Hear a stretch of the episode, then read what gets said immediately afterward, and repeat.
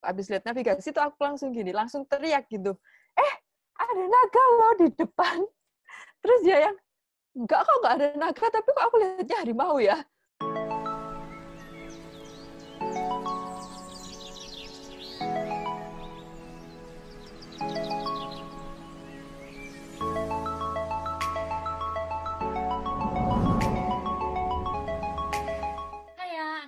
Assalamualaikum teman-teman semuanya. Balik lagi bareng saya Nelma Daan. Kali ini aku sudah bersama dengan diaspora Indonesia yang menjalani nomadic lifestyle. Ini seru banget karena aku boleh bilang beliau ini uh, tidurnya beratapkan langit. Aku pengen tahu seperti apa sih nomadic lifestyle dan suka dukanya dan sebagainya. Langsung aja ini dia Ika Olsen.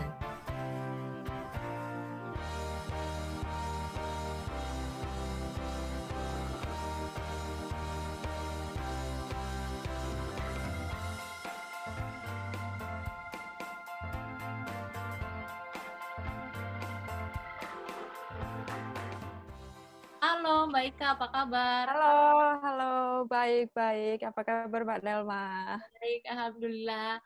Mbak, terima kasih ya sudah mau ngobrol-ngobrol sama aku dan teman-teman di sini untuk berbagi cerita tentang nomadic lifestyle. Keren banget ya, kedengarannya nomadic. Wow, gitu. Keren posisi kamu nih ada di mana, Mbak? Aku lagi ada di Harstad, di Norway Utara, deket sama Senja Island, uh, deket juga sama Tromsø, tapi lebih deket ke Lofoten. Mbak nih menjalani nomadic lifestyle. Apa itu nomadic lifestyle? Nomadic lifestyle itu sebenarnya semacam kita nggak settle di satu tempat gitu ya. Kita uh, moving around the world, bisa dibilang gitu. Uh, tapi kalau aku sih belum sampai moving around the world, cuman uh, moving around the island saja. Nomadic lifestyle ini kalau menurut uh, dari beberapa sumber yang aku rangkum juga adalah kaum yang tidak menetap uh, lama di suatu tempat dan selalu berpindah-pindah ya. Mbak Ika ini living in a sailing boat. Ini boleh dibilang gambaran ya nenek moyang nenek moyang kita kan nenek ini versi milenialnya gitu ya. Iya, versi milenialnya. Mbak, apa sih rasanya tidur beralaskan uh, air dan beratapkan langit? Awalnya tuh agak ngeri-ngeri sedep. Soalnya uh, waktu dulu kan kalau masih di Mediterania kan semuanya masih anget gitu kan. Terus pas waktu di Norway aku tuh kepikiran gini, waduh nanti kalau beku gimana? Nggak ada air, nggak ada ini, nggak ada itu. Terus tapi akhirnya ya udahlah dicoba dulu. Nanti kalau misalnya beku dipikir nanti aja kalau ada masalah gitu tapi ya so far so good. Uh, awal-awal sih aku nggak nggak ini ya. Uh, apa sih hidup di ini hidup di sailboat? Kok kenapa kok give up uh, rumah? Terus habis gitu uh, milih untuk hidup di sailboat. Tapi ternyata pas nyoba oh gini ya rasanya. Enak ternyata. Uh, terus habis gitu kita bisa lihat uh, we get to see places that is like not mainstream places karena biasanya kalau kalau orang liburan perginya kalau misalnya ke Prancis pasti ke Paris. Nah hmm. tapi kan kadang nggak nggak kelihatan kalau tempat-tempat yang nggak ramai pengunjung, nggak ramai turis gitu-gitu toh. Hmm. Nah itu uh, salah satu kemewahan yang aku dapat pas waktu uh, living in a sailboat like this. Jadi Mbak dari tahun berapa Mbak uh, menjalani lifestyle ini? Aku udah mau dua tahun nomadik. Awalnya Mbak uh, memulai ini dari mana? Jadi tahun lalu aku pergi sailing uh, sama my boyfriend. Terus habis itu dia bilang gini, aku uh, living in a sailboat. I was like, what? Kita udah tiga tahun bareng-bareng, tapi setahun itu aku nggak kekeh nggak mau ini, nggak mau pergi ke sailboatnya dia. Tapi pas setahun kedua, ya udah lagi kita try. Terus habis itu kita sailing waktu itu di Mediterania di Spain uh, dan ternyata kok oh gini ya oh why is this totally different I mean aku juga travel around tapi pas waktu kita traveling with sailboat itu udah ini beda banget feelnya akhirnya oke okay, I will try oh ya ternyata oke okay. akhirnya keterusan sampai sekarang. Jadi awalnya kita tuh uh, mau sailing ke Norway, habis itu Greenland, Kanada, Florida, uh, terus nyebrang ke Indonesia. Rencananya tuh gitu. Tapi karena pandemik, akhirnya saya stuck di Europe. Ya, jadi jadilah uh, udah berapa bulan ya? Udah hampir 9 bulan stuck terus tinggal di sini. Jadi ini udah bukan udah lintas negara lagi, udah lintas benua dong, Mbak ya? Uh, hampir. Mbak ini ke, ini sendiri, bawa sendiri gitu? Apa ada nahkodanya lagi? Enggak, jadi aku berdua aja bawa. Ah. Jadi gantian kalau misalnya kita uh, kalau misalnya kita harus crossing ya, yang lebih dari satu atau dua hari, jadi kita shiftnya setiap 6 jam. Jadi 6 jam aku yang bawa, terus istirahat 6 jam, 6 jam dia yang jaga. Kayak gitu. Masya Allah. Luar biasa loh ini. Kamu emang sebelumnya udah pernah belajar tentang ini Mbak, pengemudikan? Enggak. Jadi ya ini otodidak. Apa ya?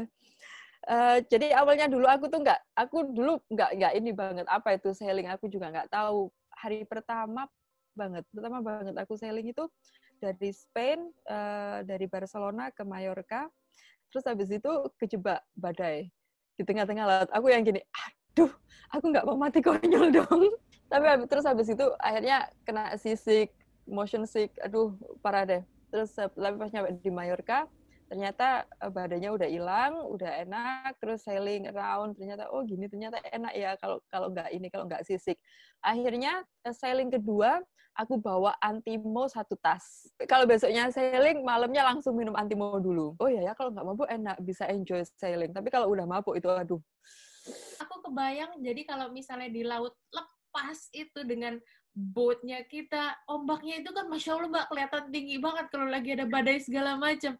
Jadi pas waktu itu ya kan kita di Biscay 32 jam menuju menuju Prancis. Nyetir, um, nyetir boat itu yang lagi badai. Iya, iya lagi badai. Jadi nyetir nyetir manual dan dan itu memang bener-bener berat banget karena juga kita uh, fight sama ombak, fight sama angin. Jadi emang bener-bener berat sampai aku, pun nggak nggak ini ya karena memang badanku kecil juga. Jadi aku nggak nggak kuat untuk nyetir. Sampai akhirnya kita itu berdua kecapean. Kita berhenti beberapa kali waktu itu pas waktu anginnya lagi slow. Tapi angin slow pun buat kita itu yang sini kayak gini loh. Jadi kita tuh nggak bisa diem sampai aduh uh, semua perabotanku tuh pindah-pindah mangkok pecah jatuh gitu deh. Aku gini, kita kalau misalnya stop beberapa kali kayak gini, cuman goyang-goyang aja, kita nggak nggak uh, nggak move, uh, tambah lama bakalan nanti. Terus ya yang iya tapi aku capek, iya aku juga capek. Jadi kita itu paling nggak berhenti 15 menit, terus lanjut lagi sampai akhirnya kita itu aku yang gini. Jadi waktu itu aku kan lagi di uh, lagi di kokpit, lagi lihat navigasi gitu. Abis lihat navigasi tuh aku langsung gini, langsung teriak gitu. Eh, ada naga loh di depan. Terus dia yang enggak kok enggak ada naga tapi kok aku lihatnya harimau ya? Terus kita berdua itu yang lihat-lihat lihat-lihatan gitu loh.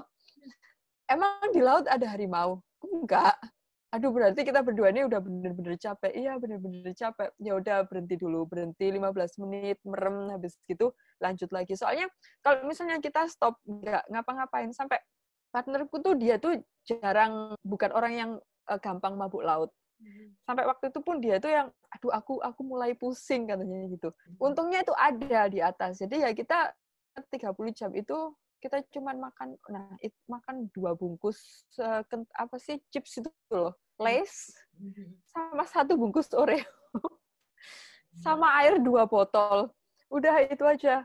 Ya udahlah aku mendingan nggak minum daripada aku harus uh, turun ke bawah cuma buat ke kamar mandi ya itulah sampai kita berhalusinasi udah yang begitu kita stop nemu tempat aman buat stop tuh kita yang akhirnya kita berdua nggak mati tokonya di tengah itu pas pas waktu berhenti itu udah boat ini udah bener-bener kayak kapal pecah semuanya jatuh ke lantai berantakan nggak aduh udah deh itu kayaknya satu tiga puluh jam terpanjang di hidupku.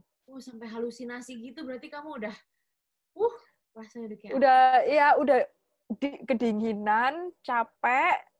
Jadi meskipun uh, kita ada di ini ya meskipun kopinya tertutup tapi tetap ada sela-sela angin bisa masuk. Dan waktu itu kita harus menghemat uh, diesel juga. Karena sewaktu-waktu kalau just in case hmm. kalau kita uh, anginnya udah hilang atau berubah arah jadi kita pakai diesel. Jadi kita emang benar-benar nyimpen dieselnya untuk waktu yang emergency banget lah dan waktu itu kita juga nggak nggak emergency karena kalau kita eh, nyalain generator dia juga konsum dieselnya lumayan tinggi gitu. Jadi aku yang udah deh nggak apa-apa nggak ada generator di sini. Lagian juga kalau misalnya kita pasang heater di atas uh, kayak fan heater gitu, kena air tambah nanti kongslet tambah nambah-nambahin masalah. Sebelumnya dulu di Surabaya uh, boleh tahu aktivitasnya apa Mbak? Uh, aku dulu kerja juga kerja kantoran. Nginjak tanah kan? Bukan? Iya nginjak.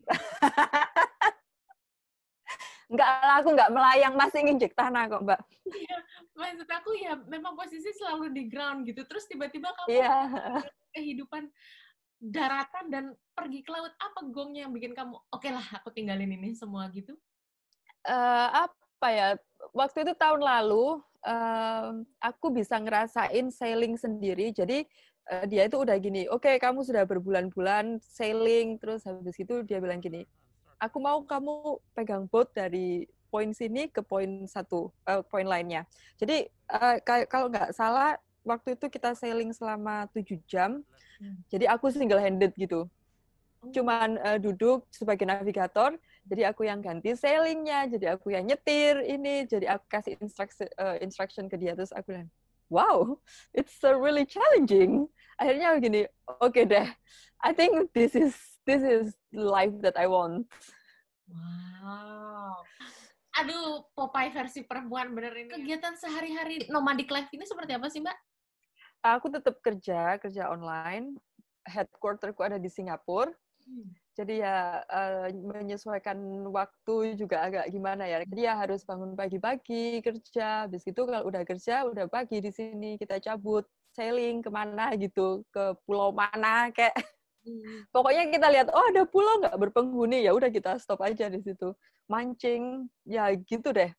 Nah terus tapi uh, agak beberapa bulan ini agak beda. Jadi waktu itu kita sailing udah dari Tromsø mau balik ke selatan. Nah kita ketemu satu organisasi nih, uh, beach cleaning organization di Norway, one of the biggest one.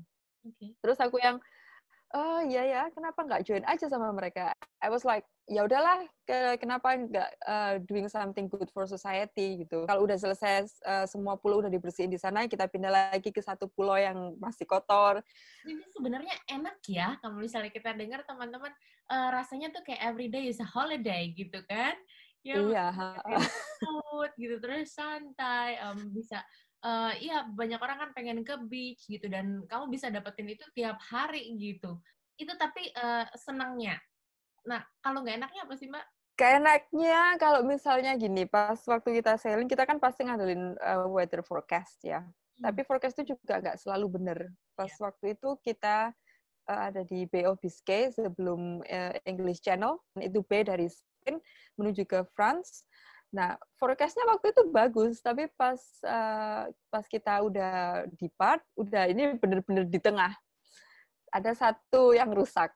Uh, waktu itu pompa hidrolik rusak. Pompa hidrolik buat apa? Jadi uh, kalau di di setiap boot itu kan ada setir ya. Nah kita bilangnya wheel. Hmm. Nah itu buat movementnya dari wheel ke rudder itu ada pompa hidrolik. Nah itu nggak nggak bisa, itu pecah pompanya. Terus habis itu bad weather. Kita tuh yang aduh kok gini banget sih? Mau balik ke Spain waktu itu tapi kalau mau balik pun uh, jarak tempuhnya 20 jam. Terus mau continue ke France jarak tempuhnya 36 jam. Terus aku, terus aku gini ya udahlah ngapain kita mau balik lagi ke Spain? Orang kita juga mau ke, ke Norway kok. Udahlah lanjut aja ke France gitu. Akhirnya lanjut jadi kita nyetirnya itu manual uh, langsung ke rudder jadi Paulsen duduk di belakang karena waktu itu ombaknya emang gede banget di sana. Nah, pas waktu ada ombak uh, ngantem si radernya, waktu itu aku di belakang akhirnya sampai keseret ke depan. Karena saking kuatnya aku nggak nggak kuat ini, nggak kuat hold. Akhirnya uh, kita jalan selama 30 sekitar 32 jam sampai akhirnya uh, Coast Guard-nya itu kontak kita. Masya Allah, luar biasa. Terus habis itu nggak kapok? Nggak. belum, belum kapok. Berarti sebenarnya partner kamu sudah sudah uh, lebih dulu mengenal nomadic lifestyle ini ya? Iya, iya. Tapi uh, ya udah dia udah tinggal kayaknya tujuh tahunan deh, tujuh tahunan di boat. Aku hmm. baru dua tahun. Rasanya belum umum ya untuk kita orang timur hidup seperti ini gitu Mbak, apalagi di laut. Tanggapan keluarga seperti apa Mbak? They're like, I, I, I don't know what is in your mind. That's what my father said. Ya, yeah, terus aku bilang, ya gimana kan Mm, you you only live once, so I want to enjoy living my life. Kayak untuk kan perlu belanja grocery seperti itu. Ya, kalau misalnya kulkas sudah kosong, waktunya merapat, langsung aja kita merapat gitu. Jadi kita nggak nggak uh, apa ya, mungkin beberapa sailor mereka punya schedule uh, harus ke sini ke sini ke sini ke sini gitu. Tapi kalau kita the, the plan is no plan ibaratnya. Jadi ya semau-mau elu gitu. Jadi tapi kan itu the, the the essence of living uh, nomad nomadic ya. You do whatever you want to do. Tapi iya. biasanya kalau kalau misalnya aku belanja gitu pasti paling enggak ya ada stok untuk seminggu. Mbak biasanya menghabiskan jadi berapa lama waktu untuk kalau kayak di darat deh, di darat aja. Hmm? Uh, di darat aja. Berapa lama? Maksimal ya, maksimal tiga hari. Kalau udah tiga hari, misalnya satu minggu gitu, aku udah yang aduh kapan sih kita balik lagi ke laut oh my god jadi jadi ini beneran udah udah emang kayaknya nggak betah di darat ya iya kemarin aku sempet tinggal di Belanda selama satu bulan hmm. karena uh, harus perbaiki jadi uh, pas habis kena badai itu pompa hidrolik rusak segala macam uh, juga kita kena accident pas uh, di ini di derek Hmm. Akhirnya kita harus ke Belanda, stay di sana selama kurang lebih satu bulan. Akhirnya setelah declare emergency baru bisa? Iya, baru bisa masuk di area Prancis, uh, di salah satu port di Prancis. Jadi ya udah isi di situ langsung pergi. Nah pas di Belanda itu aku harus stay di rumah. Jadi waktu itu kita nyewa rumah gitu selama satu bulan. Aku yang minggu pertama masih oke okay lah, enjoy. Soalnya waktu itu kita tinggal di kayak apa ya National Park gitu, deket banget sama National Park satu minggu oke, okay. minggu kedua udah mulai stres. Aduh, kapan sih ini selesai? Ayo kita jalan-jalan ke pelabuhan atau mana gitu. Minggu minggu ketiga tiap hari orang yang ada di shipyard aku teror. Jadi gimana? Ya saya sudah selesai. Oh belum ibu. Besoknya telepon lagi. Gimana? Sudah selesai. Waktu kamu awal-awal gitu ya um, uh, sebagai nomadic uh, lifestyle ini, adaptasinya tuh berapa lama mbak?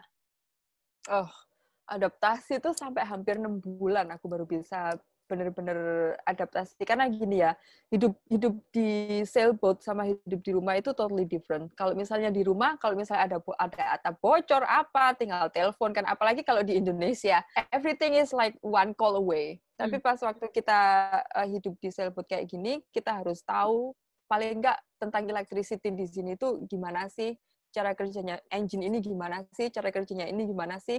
Dan terus juga uh, karena aku juga nggak ada formal course buat jadi sailor atau kapten kapal, jadi semuanya itu otodidak.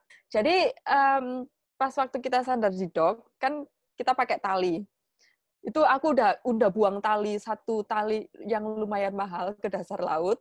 Habis gitu yang kedua aku udah pernah meledakin beberapa lampu. Pernah juga hampir nabrak boat itu butuh waktu enam bulan. Itu tapi waktu lagi adaptasi itu nggak nggak kepikiran pengen pulang gitu mbak? Kepikiran, aku gini, what have I done? Seriously, gue, aku mules loh teman-teman dengernya. Apalagi denger ada kerusakan-kerusakan itu, Masya Allah. Kebetulan gue juga orangnya panikan gitu kan. Terus udah rasanya nggak bisa mikir aja kalau udah kayak gitu tuh. Tapi kamu luar biasa loh. Apa sih Mbak yang perlu dipersiapkan ketika uh, kita mau menjalani nomadic life ini, Mbak? Sorry to say, hmm. tapi aku dulu pas waktu sebelum sebelum aku memutuskan kalau aku mau pilih uh, nomadic life lifestyle, aku bener-bener ngitung uh, keuanganku gimana. Itu yang pertama banget aku ini sih aku hitung. Kalau misalnya aku pun uh, aku harus tinggal di boat terus habis gitu kantor nggak ACC kalau aku eh, working working remote kan ya gimana gitu. Berarti aku harus mau nggak mau cari kerjaan freelance lain. Paling nggak tabunganku cukup buat uh, nggak kerja selama dua tahun kalau aku sih itu. Nah tapi partnerku tuh yang udahlah aku tabunganku cukup. Kan kita bisa saling support. Jadi misalnya kalau uh, ada pengeluaran besar pengeluaran besar kayak kita harus uh, maintenance boat apa-apa, kita pakai duit dia. Tapi kalau untuk sehari-hari pakai uh, duitku. Pertama kali yang kita omongin sih itu. Yang kedua, karena aku sailing dan keliling-keliling dari satu negara ke negara lain atau ke benua lain, jadi aku benar-benar perhitungin uh, visa dan lain-lain juga. Artinya memang kepuasan yang kamu dapatkan sekarang ini terbayar meskipun meskipun kamu harus spending banyak untuk ngurusin itu. Ini menarik ya, mendengarnya itu menarik banget. Tapi masih nggak kena gitu mbak sama gue. Maksudnya kalau gue harus living in a boat gitu yang nggak tahu sampai kapan, terus nggak tahu nanti badai datang kapan. Uh, ceritain sedikit dong mbak serunya hidup di laut tuh gimana sih mbak sampai maksudnya sampai bener-bener ini loh yang gue uh, yang gue tinggalin tuh ternyata di sini tuh lebih seru gitu. Serunya itu pas waktu itu gini karena aku suka aku juga suka laut dan uh, apa ya I I like to be free. Terus aku juga nggak begitu suka uh, berkunjung ke tempat-tempat yang sudah mainstream. Hmm. Nah, waktu itu uh, aku nyebrang dari dari Belanda uh, langsung ke Norway. Itu tuh yang wow banget. Jadi sepanjang perjalanan itu langitnya itu udah bener-bener bagus banget. Sunsetnya juga bagus banget. Terus habis itu pas waktu kita di udah di Norway nih, uh, kita sandar di satu tempat eh, pulau di pulau gitulah dan pulau itu tidak berpenghuni. Tapi ada satu rumah ada di Norway ini ada satu cabin yang bisa dikunjungi for free. Tapi you have to take care of it. Itu yang bener-bener everything is for for free lah kita nggak bayar apa-apa itu sih terus yang lain lagi uh, ini pas waktu sailing kemarin tuh uh, orang kan biasanya ke Norway lihat aurora kan ya. Nah aku kemarin pas sailing tuh sailing di atas nih ada aurora lagi jalan gitu. I was like okay this is what I want. Dan itu nggak nggak akan bisa didapetin kalau misalnya uh, kita masih di darat. Oh satu lagi. Uh, kalau misalnya pas waktu dulu aku masih di Mediterania, orang yang sailing, it doesn't matter uh, how big is your boat, mau yang gede, mau yang kecil. Hmm. Kalau kita udah sailing di Mediterania, pasti kumpulnya itu sama orang-orang crazy rich gitulah. Pas waktu aku di Mediterania, waktu itu aku kalau nggak salah di di Prancis, uh, di Cannes. Nah pas waktu itu di sana aku ketemu kalau nggak salah dia prince dari Maroko Oke. Okay. Jadi dia ke sana tuh pakai super yachtnya dia. Kita bersebelahan gitu. I was like, oh kapan lagi ketemu sama Prince of Morocco? Itu juga salah satu kemewahan yang ini ya, yang nggak bisa didapat kalau kita yeah. di darat ya. Kalau hidup di boat seperti ini ya, expense-nya tiap bulan tuh apa aja sih yang perlu di yang yang harus kita bayarkan, Pak? Uh, kalau dulu di Mediterania, uh, expense satu bulan itu selain untuk makan minum, expense untuk pelabuhan, uh, kalau di pas di Mediterania dulu tuh bervariasi banget harganya. Tapi yang paling murah waktu itu kita cuma bayar 800 euro dan uh, average-nya sih 1.200 euro per bulan untuk uh, kapal ukuranku. Tapi kalau pas kita di Norway, expense-nya lebih ke oh ya sama maintenance ya pas dulu. Uh, kalau maintenance maintenance itu udah udah emang harus ada sekian duit buat uh, buat maintenance karena di bot ini kan begitu banyak komponen hmm. yang kita nggak tahu kapan rusaknya meskipun di daftar kalau misalnya komponen ini uh, bulan ini tanggal ini diganti. Tapi tiba-tiba entah God knows what happened tiba-tiba rusak dan harus ganti. Terus biaya asuransi juga uh, asuransi life insurance sama asuransi untuk bot juga itu juga penting. Terus uh, ya itu sih aku dulu aku beberapa bulan lalu itu expense untuk maintenance itu bisa sampai 20 ribu euro. Waktu itu aku dapat accident yang tidak di cover sama insurance dan boat itu memang benar-benar harus dirawat. Kalau semakin tidak dipakai, semakin bengkak biaya maintenance-nya. Dan setiap satu tahun sekali ada annual maintenance, kirim boat ke shipyard, nanti dia angkat, terus habis gitu dimasuk uh, ada di darat, dicuci segala macam, ganti sail, ganti ini itu, terus habis gitu pasang anti fouling biar anti fouling itu biar uh, kan kadang kalau misalnya kita stop di laut gitu ya, eh, stop di harbor, airnya kotor apa apa, jadi di hull bagian bawah dari boat itu bisa kayak tumbuh barnacles, ditempelin sama barnacles, muscles atau apa ya lumut-lumut gitu lah. Nah itu harus dibersihin. Kalau enggak pembuangan atau apa itu nanti bakalan tersumpat. Terus untuk uh, nama kita bilangnya cat plotter ya, itu map yang kita pakai sekarang. Nah itu nggak gratis. Ada subscribe-nya gitu loh. Dan itu per area. Kalau misalnya kita beli subscribe-nya untuk Mediterania, berarti covernya cuma dari area Mediterania aja, dari Greece, uh, Spain, sorry, Italy, France sama Spain, terus Portugal. Buat petanya kan, peta jalan iya. peta jalan laut. Iya. Mm -mm. Jadi bisa kelihatan depth-nya berapa, terus habis gitu uh, ada markersnya juga. Jadi ada tanda kalau di laut itu kita yang harus kita lihat, terus habis gitu lighthouse kayak gitu-gitu. Terus safe harbor-nya di mana? Jadi passage passage ke harbornya itu kayak gimana? Informasi-informasi yang benar-benar kita butuhin sih. Wow, menarik banget ya ternyata. Tapi ya buang duitnya juga luar biasa. Ya, menarik. Tapi Mbak, ini kayak misalnya kayak gini, uh, listrik gitu, bayar listrik nggak? Kalau kayak gini gimana sih? Oh iya, uh, jadi gini, di bot itu kalau misalnya kita lagi lempar jangkar dan kita nggak ada di harbor, kita pakai generator. Hmm. Generator kita lumayan gede lah, 9.000, bisa narik 9.000 watt. Tapi kalau pas kita di harbor, kita bayar harbor fee. Kalau di kalau di Norway itu lumayan murah. Harbor fee-nya itu cuma paling mentok-mentok 45 euro. Itu pun um, di kayak kota-kota besar kayak Bergen, Tron, uh, Buddha, sama Tromsø. Itu tiga kota yang lumayan mahal. Tapi selain itu kita paling bayar cuma 20 euro untuk buat ukuranku. Tapi ketika kita di Mediterania, di tourist very touristic place, nah, kayak kayak Spain, kayak Barcelona, atau kayak Marseille, Toulouse gitu-gitu, kita pernah bayar sampai 150 euro per malam untuk sandar di port. Jadi pas kita pas kita masuk ke port kan kita nanti dapat air sama electricity, terus sama uh, bisa pakai toilet mereka. Untuk air gimana Mbak? Minum langsung dari uh, apa ngolahnya apa botolan? Uh, enggak. Jadi aku punya water maker. Dia bisa bikin air dari air uh, air laut ke fresh water. Nah, water makerku itu bisa bikin sekitar 60 liter per jam. Oh. Nah, aku ada water tank di boat. Water tankku sekitar 1000 liter lah. Jadi ya kalau misalnya iya buat mandi, buat masak gitu-gitu, oke okay lah selama satu minggu kalau kalau cuma berdua ya. Ya udah nyaman banget juga sebenarnya ya. Iya. Tapi ya itu larang. Nah. Tapi ya larang, Mbak. Wes, aduh. Jadi, Mbak, rencana mau sampai kapan?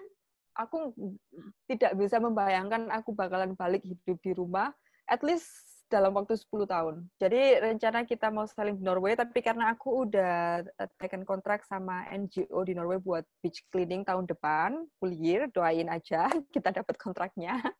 Jadi aku harus uh, kalau kalau dapat kontraknya aku stay di Norway selama satu tahun. Setelah itu mungkin aku bakalan pergi ke Svalbard, ke Greenland, dari Greenland terus ke Kanada, Kanada sampai ke uh, East Coast uh, US, Florida, Florida terus kita nyebrang ke West Coast, West Coast kita ke New Zealand, New Zealand Indonesia. Di Indonesia rencananya nanti juga mau ngelilingin Indonesia dong? Iya, iya dong, harus dari Merauke ke Sabang. Aku masih ini di uh, area Raja Ampat, hmm. terus di Banda Neira, di mana itu ya? Terus di uh, di bawahnya Maluku. Oke. Okay. Jadi ada Pulau Banda, Banda Neira. Hmm. Itu sebenarnya tempat ini sih. Uh, kalau misalnya ada sailor yang mau nyebrang ke ke mana pun, uh, kalau ke arah utara itu mereka pasti stop di situ. Terus ada lagi di Lombok itu di Gili Gede. Hmm. Uh, ada satu marina yang quite big di sana. Uh, tapi areanya juga nggak rame. Hmm. Tapi bagus banget. Uh, tempat snorkeling paling bagus lah di di Lombok menurutku ya. Ya, kan itu nama-nama yang jarang memang kita dengar atau turis datengin buat uh, liburan untuk lihat tempat. Iya, tempat. tapi itu tempat yang famous banget buat uh, buat sailor dari Australia gitu loh. Aku aku juga sampai gini, kok pemerintah nggak nggak ada rame-rame ya membangun Indonesia untuk para sailor orang yang living in a sailboat like this. Padahal itu kalau menurutku ya devisa yang yang lumayan banget. Ambil contoh uh, port yang ada di Gili Gede ini satu bulan untuk bot ukuranku 17 meter itu tarifnya 12 juta. Nah, kok nggak ada yang garap? Itu yang punya kalau nggak salah orang Australia. Tapi over overall untuk sailing um, aku masih belum lihat Indonesia as a sailing destination. Lebih ke mainstream kayak Bali party kayak gitu gitulah kita punya source-nya ya padahal ya. Ternyata itu bagus iya. banget. iya padahal uh, banyak banget pulau-pulau yang uh, kita kita bilangnya bukan seller ya uh, yaktis yang stop di Indonesia terus habis gitu keliling-keliling. Uh, Indonesia sendiri banyak nggak sih? Ada komunitas uh, aku, aku ada saat kenal satu orang Indonesia, dia single handed, maksudnya uh, kita sendirian di boat, pegang terus handle, nyetir segala macam sendirian di boat. Itu dia dari San Francisco ke Bali loh. Waktu itu dia ma uh, sempat masuk Kick Andy kalau nggak salah. Terus ada juga komunitas-komunitasnya nggak nggak gede banget, tapi ada. Untuk di seluruh dunia ini, tapi ini udah udah jadi komunitas yang besar banget, udah banyak banget belum sih mbak orang yang Uh, oh ya, kalau kalau di Mediterania itu uh, gede banget komunitasnya. Mungkin karena ini ya, kalau di Western countries kan mereka make more money. I mean, I will, I'm not gonna lie, kalau hidup di yacht itu, hidup di boat itu nggak murah. Jadi itu mungkin belum mainstream dan belum belum dikenal secara luas di Indonesia. Di Norway sendiri pun aku balik ketemu ini anak-anak muda yang masih 25 tahun, 20 tahun gitu, mereka udah tinggal di boat menarik ya. Bener-bener aku ngebayangin maksudnya kamu ber, kamu bertiduran gitu di atasnya langsung ke langit. Masya allah itu mewah banget gitu. Dan kamu tiap hari bisa dapetin itu luar biasa loh. Nah kalau boatnya mbak eh, mbak Ika ini seperti apa sih mbak? Jadi ukuran boatku itu 17 meter kali 5 meter. Hmm.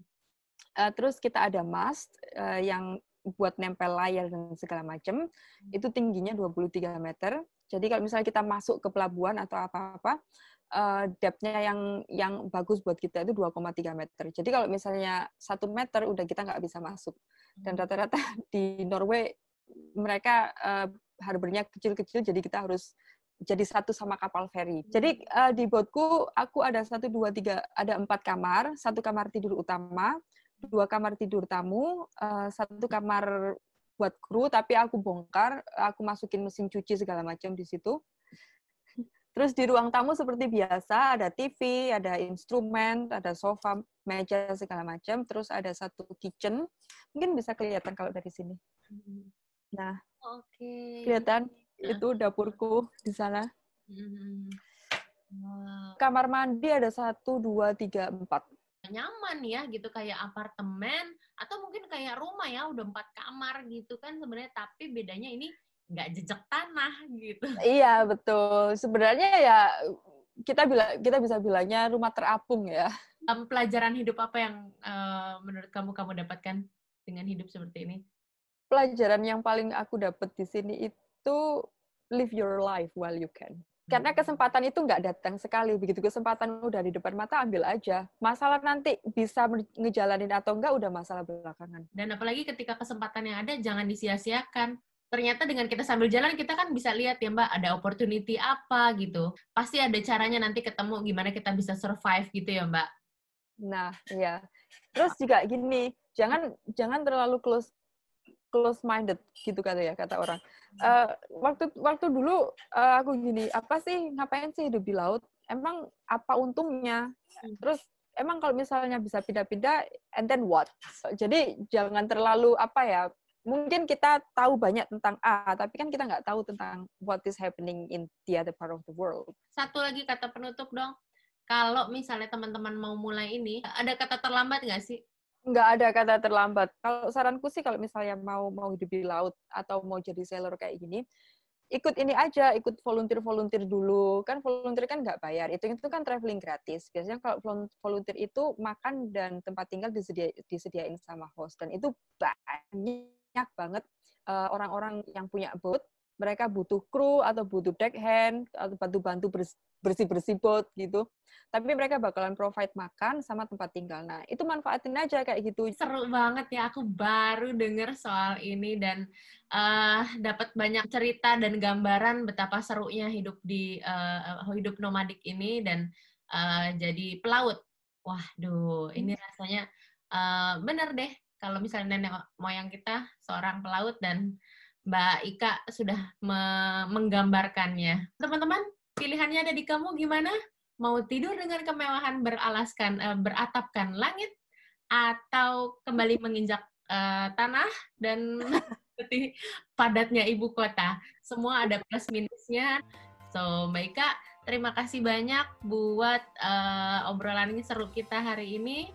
Mudah-mudahan makin banyak lagi teman-teman yang bisa terinspirasi dan termotivasi. Mbak Ika, ada yang mau disampaikan buat teman-teman yang nonton, Mbak? Kalau misalnya ada teman-teman dari Indonesia yang uh, yang mau hidup di laut atau nyoba-nyoba, bisa kok datang ke datang ke botku eh, tinggal satu atau dua bulan di sini asal mau cuci piring. Nanti nggak bercanda. aku, aku kasih nanti kontaknya Mbak Ika ya. Instagrammu boleh ya. Mbak Ika salam untuk uh, Popeye Mbak Olive Mbak Olive terima kasih ya Mbak Olive salam buat uh, Mas Popeye kalau gitu. Oke lah Mbak terima kasih banyak. Kita nanti ngobrol-ngobrol lain waktu. Teman-teman terima kasih banyak. Mudah-mudahan ini bisa bermanfaat. Dan Uh, sampai ketemu di video berikutnya. Dadah!